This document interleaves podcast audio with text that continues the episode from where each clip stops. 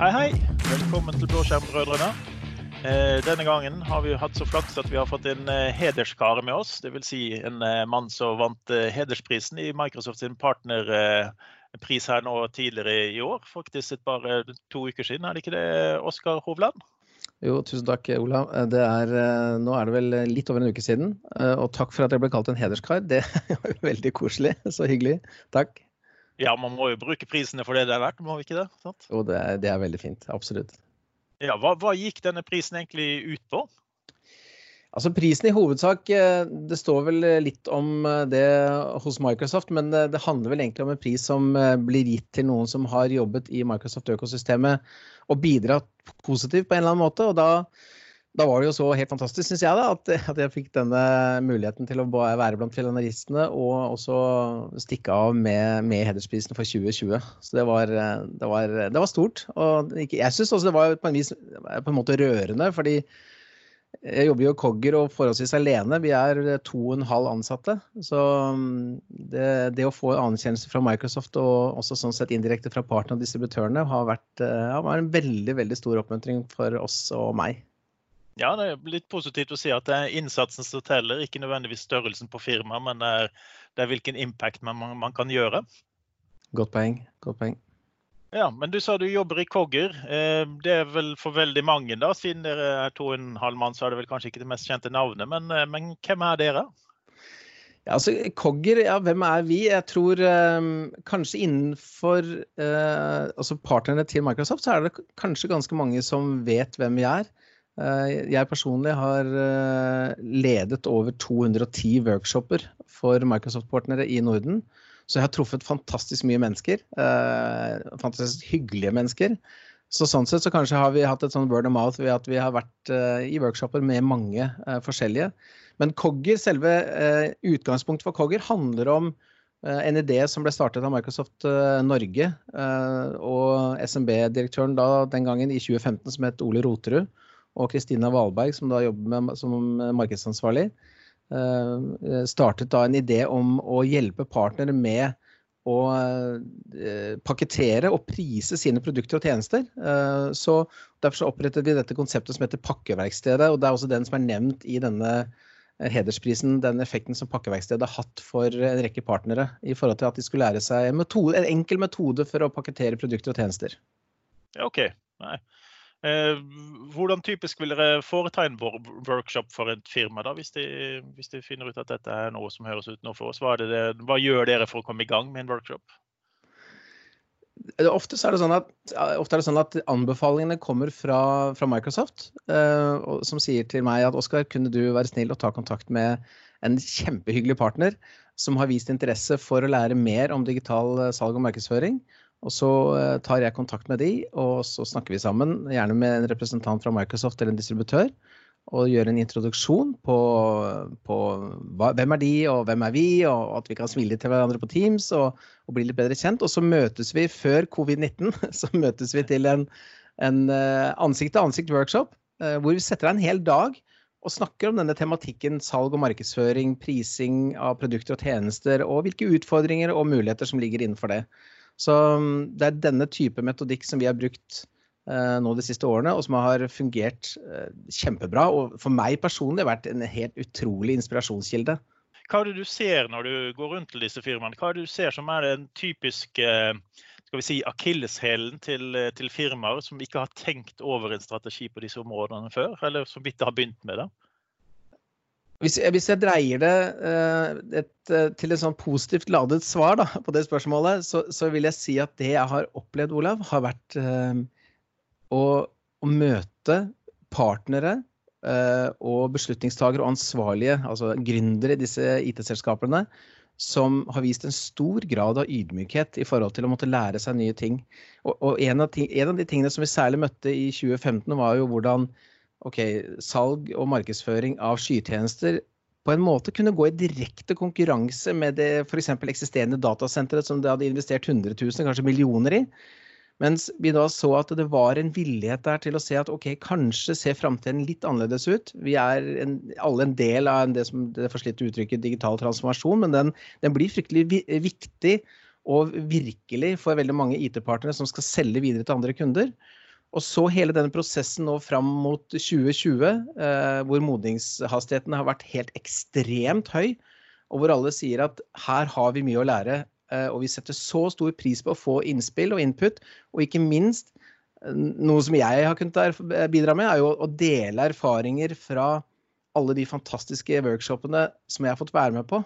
Eh, fordi det vi oppdager, er at de aller fleste har jo en, en eller annen akilleshæl her, altså en utfordring som de møter som de kan uh, som de trenger hjelp med.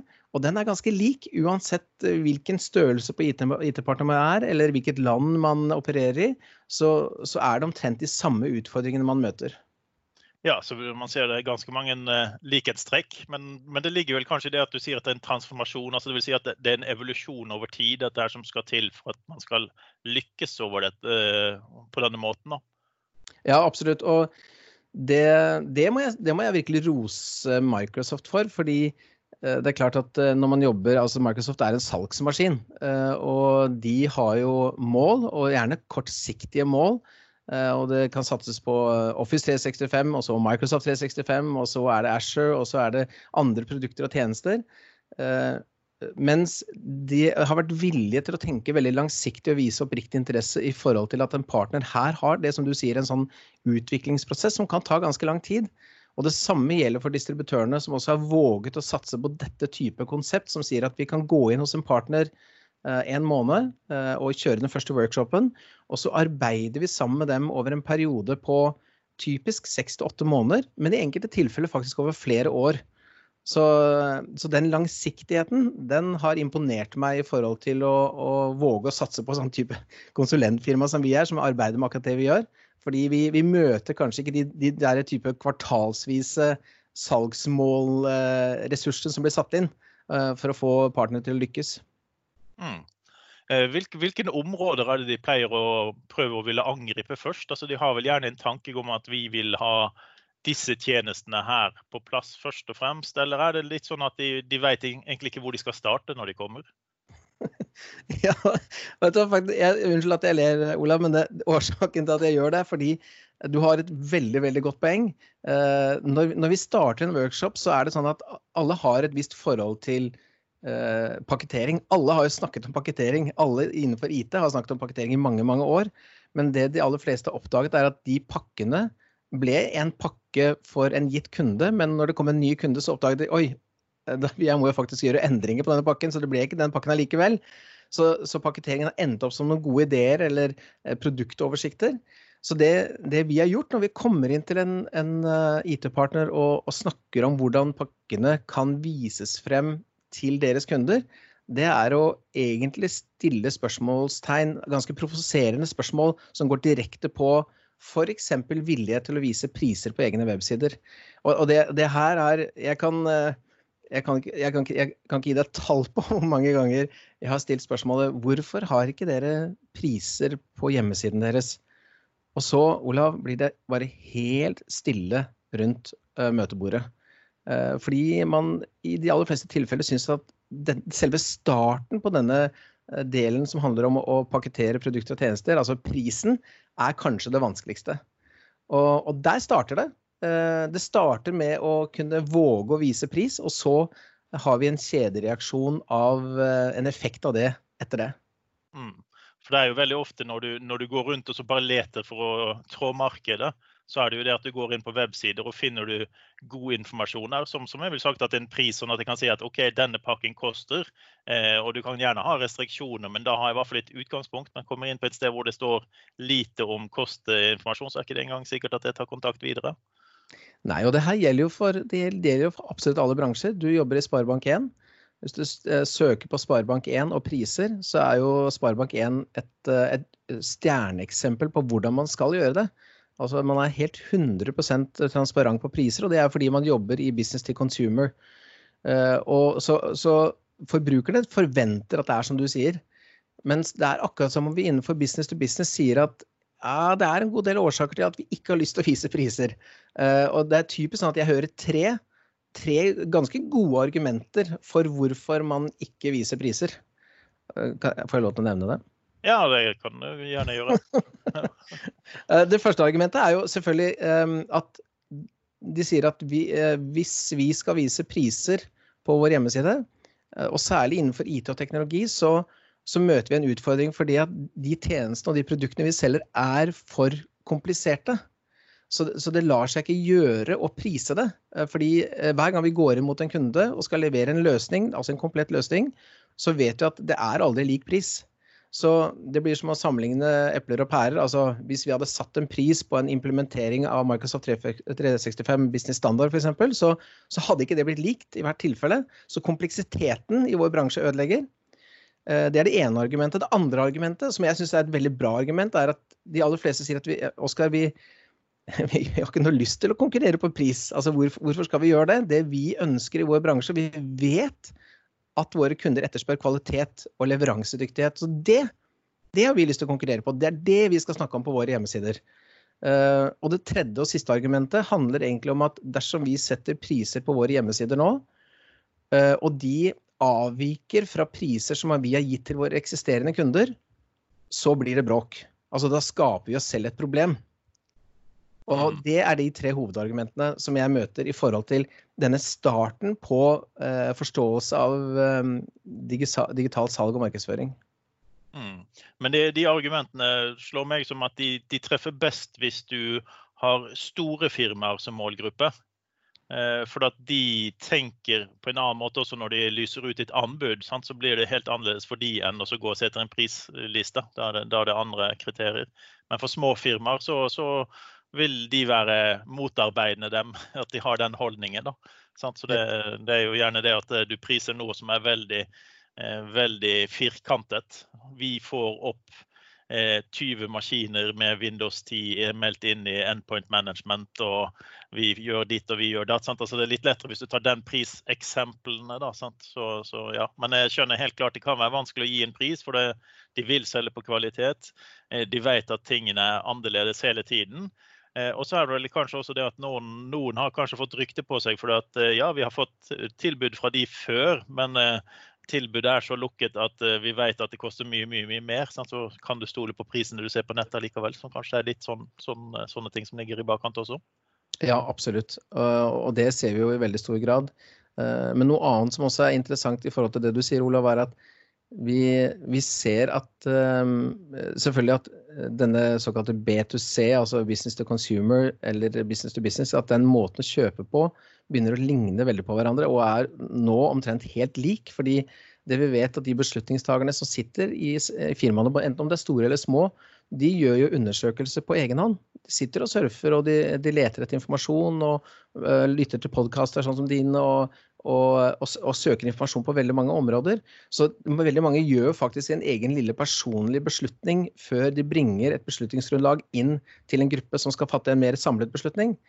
Eh, og, og da er det sånn at Hvis disse argumentene med hensyn til f.eks. kompleksitet Det som jeg syns har vært veldig fint der, er å se hvordan IT-partner forstår at det går an å lære litt av denne type Ryanair-modellen. Altså hvorfor ikke starte med eh, temaer som priser fra? Eller som du, som du nevnte, da, dette med å sette et, et, en antydning til hva dette kan komme til å koste.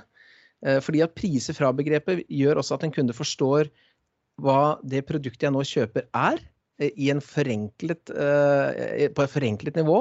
Men så, så, forstår de også hva mitt fremtidige behov vil være. F.eks. hos Ryanair så skjønner du at du trenger håndbagasje, og du trenger komfort, koffert, og du trenger en returbillett. og, og, og, den samme metodikken går det faktisk an å bruke innenfor, selv innenfor teknologi. Vi vet at Microsoft er gode på å pakkettere, men det er jo ikke en fullverdig tjeneste. Vi trenger mer. Så det å ta sin egen kundereise på det er kjempeviktig. Og en annen ting er det at innenfor Eh, særlig SMB, som har vært mitt fokusområde. Og vi ser også at flere, også store IT-leverandører og også Microsoft fokuserer mer og mer på SMB, for det er jo egentlig litt sånn uforløst potensial der. Så, så, er man, så, er man, veldig interessert i å Man er fokusert på pris. Altså SMB er det samme som vi er fokusert på pris. Eh, så bare det å våge å sette prisen der vil frigjøre potensialet innenfor den, kan du si, den gruppen gruppen av mennesker i bedrifter som er i ferd med å, bestemme seg for hva de skal kjøpe. Og, og, da fanger du interessen til en som er på søken. Og vi vet at det er jo ikke bare din egen webside som er oppe der. Det er jo, det er jo deg, og så er det Microsoft, og så er det konkurrentene sine websider. Akkurat som det er når du skal ut og fly.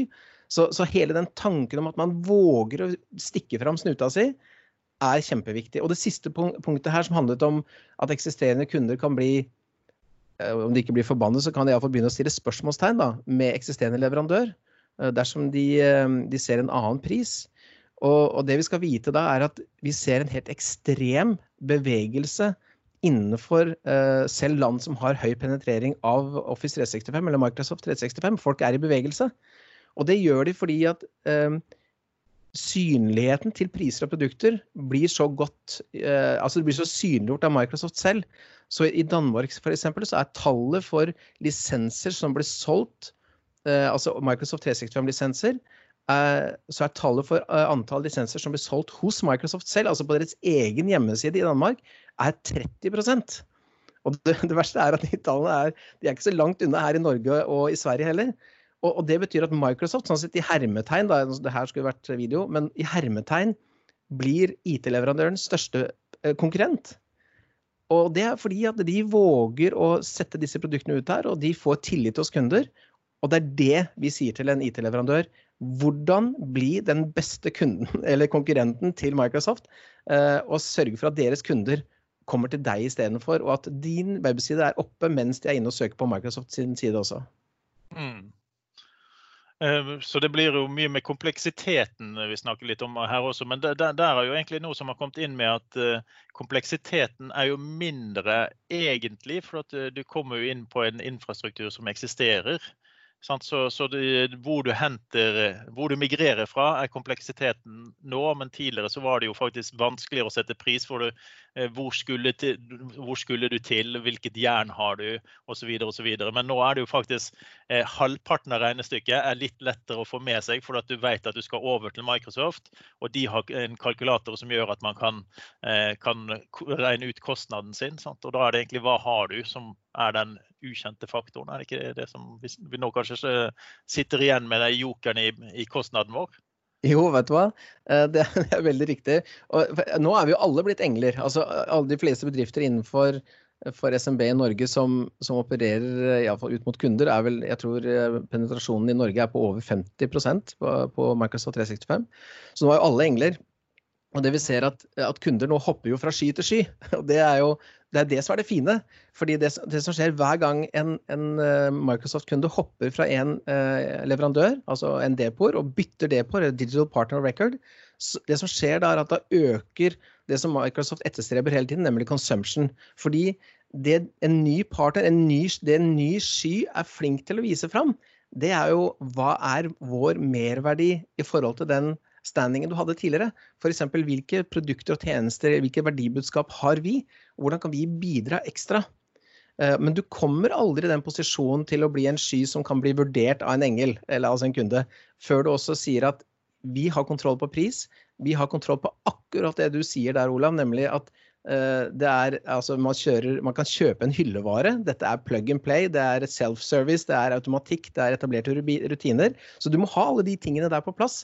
Og det er derfor jeg syns at kanskje min personlige drivkraft også i forhold til eh, det jeg har holdt på med de siste årene, har jo vært at salg og markedsføring er én ting, men leveranse og forståelse av sitt eget verdibudskap er en annen ting, og kanskje enda mer eh, interessant å, å snakke om. Og det her handler jo om det er jo forretningsutvikling, og den er individuell for hver enkelt partner som vi har snakket med.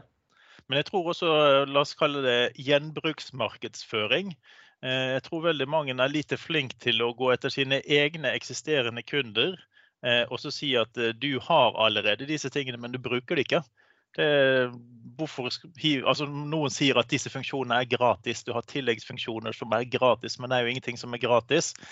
Så kanskje det å tenke litt gjen, gjenbruks av sin egen markedsføring, sånn at man opplyser sine egne kunder om at er du klar over at du faktisk kunne ha slått på ATP-ene i Azure for å sikre systemene dine bedre, eller at du, du har faktisk MFA inklusivt i prisene dine. Jeg tror kanskje det er å tenke, tenke litt å beholde kunder pga. at det blir så lett å hoppe fra sky til sky. Ja, absolutt. Og du, du nevner jo ATP, og, og, en av de tingene som, eh, som vi viser faktisk eh, ID-partnerne når vi har disse workshopene, er Secure Score som er et sånt godt eksempel på hvordan du kan gå inn til en kunde og se at ok, hvordan står det til hos deg? Har du tofaktorautentisering eller ikke? Eller hvilke enkle grep kan du gjøre for å, for å sikre deg bedre? Eller hvilke produkter og tjenester innenfor plattformer som du allerede har, bruker du ikke i dag? Så, så det å få en bevissthet på hvilken kompetanse sitter vi med altså som IT-leverandør på alle disse andre produktene og tjenestene, når vi vet at det kun er eh, 18% av Microsoft 365-brukerne som bruker Microsoft-pakken eller suiten utenfor Teams, altså lenger enn Teams. Eh, der stopper det. Så det er desktop-applikasjoner, og så er det Teams, og så er det slutt. Eh, så, men det er jo et helt fantastisk himmelrike av andre muligheter der. Som, som, bevissthet rundt denne kundereisen, bevissthet på hvordan modningsgraden for egne kunder, og hvordan man skal kommunisere det, det eh, gjør at selv eksisterende kunder selvfølgelig blir mye, mye mer fornøyd. Og så blir jo partneren fornøyd fordi at consumption øker. Ja, og du, du må jo uh, sørge for at uh, kundene dine blir fornøyd, for hvis ikke så vil de jo se etter om er det noe annet spennende som har rørt seg? Og så plutselig ser de noen som har ja, men det er jo samme pris her, og du får mer. Nei, men det er ikke sikkert du får mer, det er bare det at du ikke er obs på at du faktisk allerede har det. Sånn, ja. Så man må, man, man må, faktisk nå behandle kundene sine eh, hele tiden som om de er potensielle nye kunder eller tapte kunder, sånn at man, eh, man ikke forglemmer at de faktisk er der i bildet. Og det er det jo noen partnere som man ser har begynt å bli flinke til. Absolutt, Olav. og Jeg syns det er veldig godt uh, sagt akkurat det der. Behandle eksisterende kunder som nye kunder. Og, og, vi vet jo at lojaliteten eh, på kunder som har Microsoft 365 er veldig høy. Eh, men samtidig så ser vi en stor aggressivitet på å tilføre ny kompetanse inn. Så man må, må virkelig passe på det man har. Eh, og mens man gjør det, så klarer man også da å skaffe seg nye kalde kunder som er ute på søken etter akkurat de produktene og tjenestene som du har klart å beskrive på din hjemmeside. Vi har sett partnere som har gått gjennom dette programmet og, og, som har satt pakker og priser på sin hjemmeside, og som f.eks. da har åpnet for at kunder kan komme i kontakt med dem ved å bruke chat. At de eh, i etterkant av dette, ved å bl.a. lede trafikk til websiden f.eks. via LinkedIn, har fått to til tre nye kunder hver uke bare på chatten. Og, det er sånne ting som man ikke man tror ikke det er sant før man uh, hører det, eller, eller, ser det med det.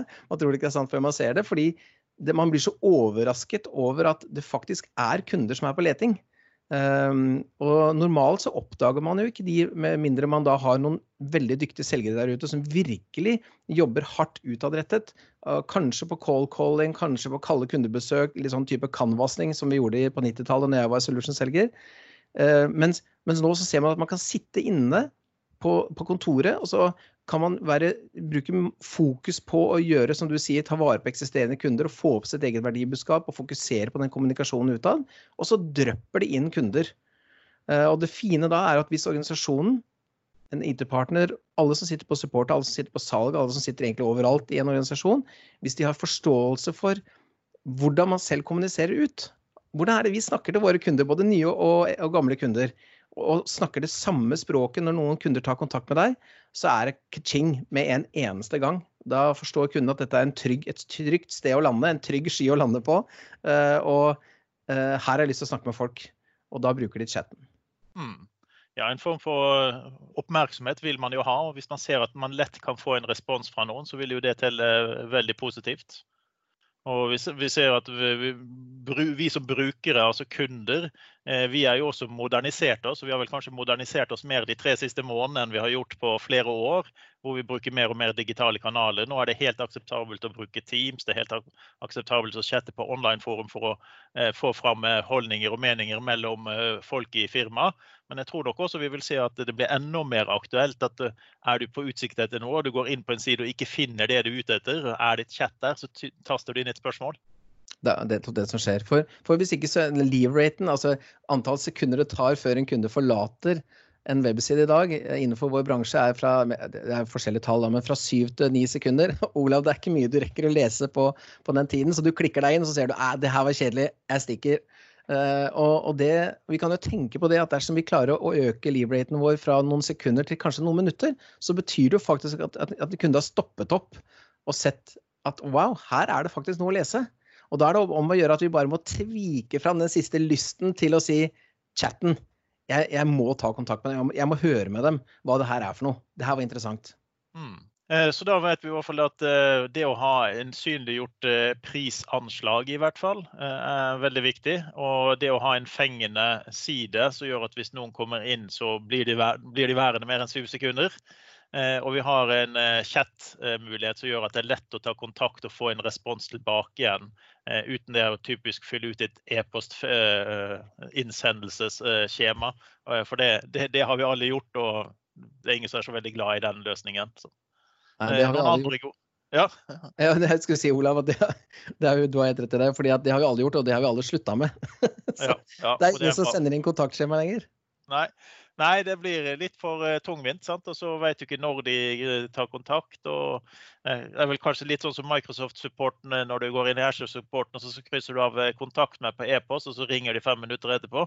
Sant? Man, man vil gjerne kontrollere kommunikasjonen til å begynne med, i hvert fall. Og da er jo chat-vinduet en veldig grei måte å ta kontakt og få en liten respons. Hvis man ser at det krever en telefon, så kan man ringe i etterkant. Og, og det, som, det, som, jeg syns er Jeg snakket litt om ydmykhet til, eh, til de IT-partnerne som jeg har vært og besøkt. Og en av som, en av de tingene som ydmykheten går på, er jo erkjennelse av at man verken har tid eller ressurser til å holde på med det du og jeg snakker om nå. Det er ingen som har tid til å ved siden av all den businessen vi gjør, for vi har mye å gjøre nå, og særlig den perioden vi er inne i nå, hvor vi ser en modningsgrad hos, hos våre kunder som stiller krav til oss som er sykt mye høyere og raskere enn det vi trodde. Så det å begynne å snakke om digital salg og markedsføring nå handler egentlig om å få hjelp til å komme i gang. Og Derfor så har vi i samarbeid med distributørene og Microsoft så tilbyr vi å, å la, har vi laget templater for produktlandingssider f.eks., hvor vi setter opp chatten, gjør ferdig innholdet, men, mens partner selv arbeider med og, og, litt sånn look and feel, og eventuelt hvilken type video ønsker vi å ha på plass. Vi hjelper de også med videoen. Og det, det interessante er at når, når, du da har fått opp denne produktlandingssiden og har kanskje fått en litt sånn eh, god, amatørmessig god video som forteller litt om ditt verdibudskap og hvordan du ønsker å levere Microsoft 365, eh, og får på plass chatten, så begynner det her å fungere. Så snart man også f.eks. deler det på LinkedIn og får alle ansatte interessert i det. Så, så dette Det her er komplekst, som du sa, men det, det går an å ta noen sånne små, enkle, ganske raske første steg som gjør at dette her begynner å, å rulle litt av seg selv etter hvert, ganske raskt. Er det noen eh, enkle råd du kan gi? Altså, bør de kontakte eh, Microsoft for å få hjelp fra dere i Cogger? Eller eh, er det, er, er, hva skal man gjøre hvis man tenker ut OK, okay vi må gjøre noe? Hvor, hvor, begynner vi? Jeg tror Uansett så er det man begynner med, er å tenke på spørsmålet hvorfor har jeg, hvorfor har ikke jeg priser på hjemmesiden min? Eh, hvis, man, hvis, man, har et uh, godt svar på det, uh, så, så, er man kanskje fornøyd. Men hvis man syns at det her er et litt vrient spørsmål, så, så, går det an å ta direkte kontakt med meg. Jeg hadde syntes det vært kjempeartig å, å, få noen argumenter både for og imot, og høre noen tanker relatert til det her om, om hva man tenker om å plassere produkter og tjenester. Og en av de tingene, Olav, som er, jeg må si, som er det, det morsomme med å identifisere dette hva skal jeg si, spørsmålet om priser, er jo at plutselig, når man gjør det, så identifiserer man også hvilke av våre produkter og tjenester er det egentlig som egner seg å kommunisere til våre kunder på våre hjemmesider eller våre digitale, i våre digitale kanaler. Og, så det går jo på kryss av uh, Microsoft-økosystemet eller IT-partner eller alle andre. Det er egentlig denne bevisstheten på, på hvor enkelt bør vi kommunisere eh, et budskap til våre kunder, og, og pris kan være med. Så er det et spørsmål, så, så ta kontakt med meg, uh, for all del. Uh, Kogger nå på chatten. ja, chatten. Ja, altså jeg, jeg vet jo selv fra, fra, min egen tid som konsulent, når, når, eh, selgerne kom bort til meg og så sa vi må sette pris på noe, så var jo jeg veldig veldig, veldig tilbakeholdent. Eh, det sto omtrent tre mann på meg og vrei armen bakover på ryggen for at jeg skulle hyle ut en sum.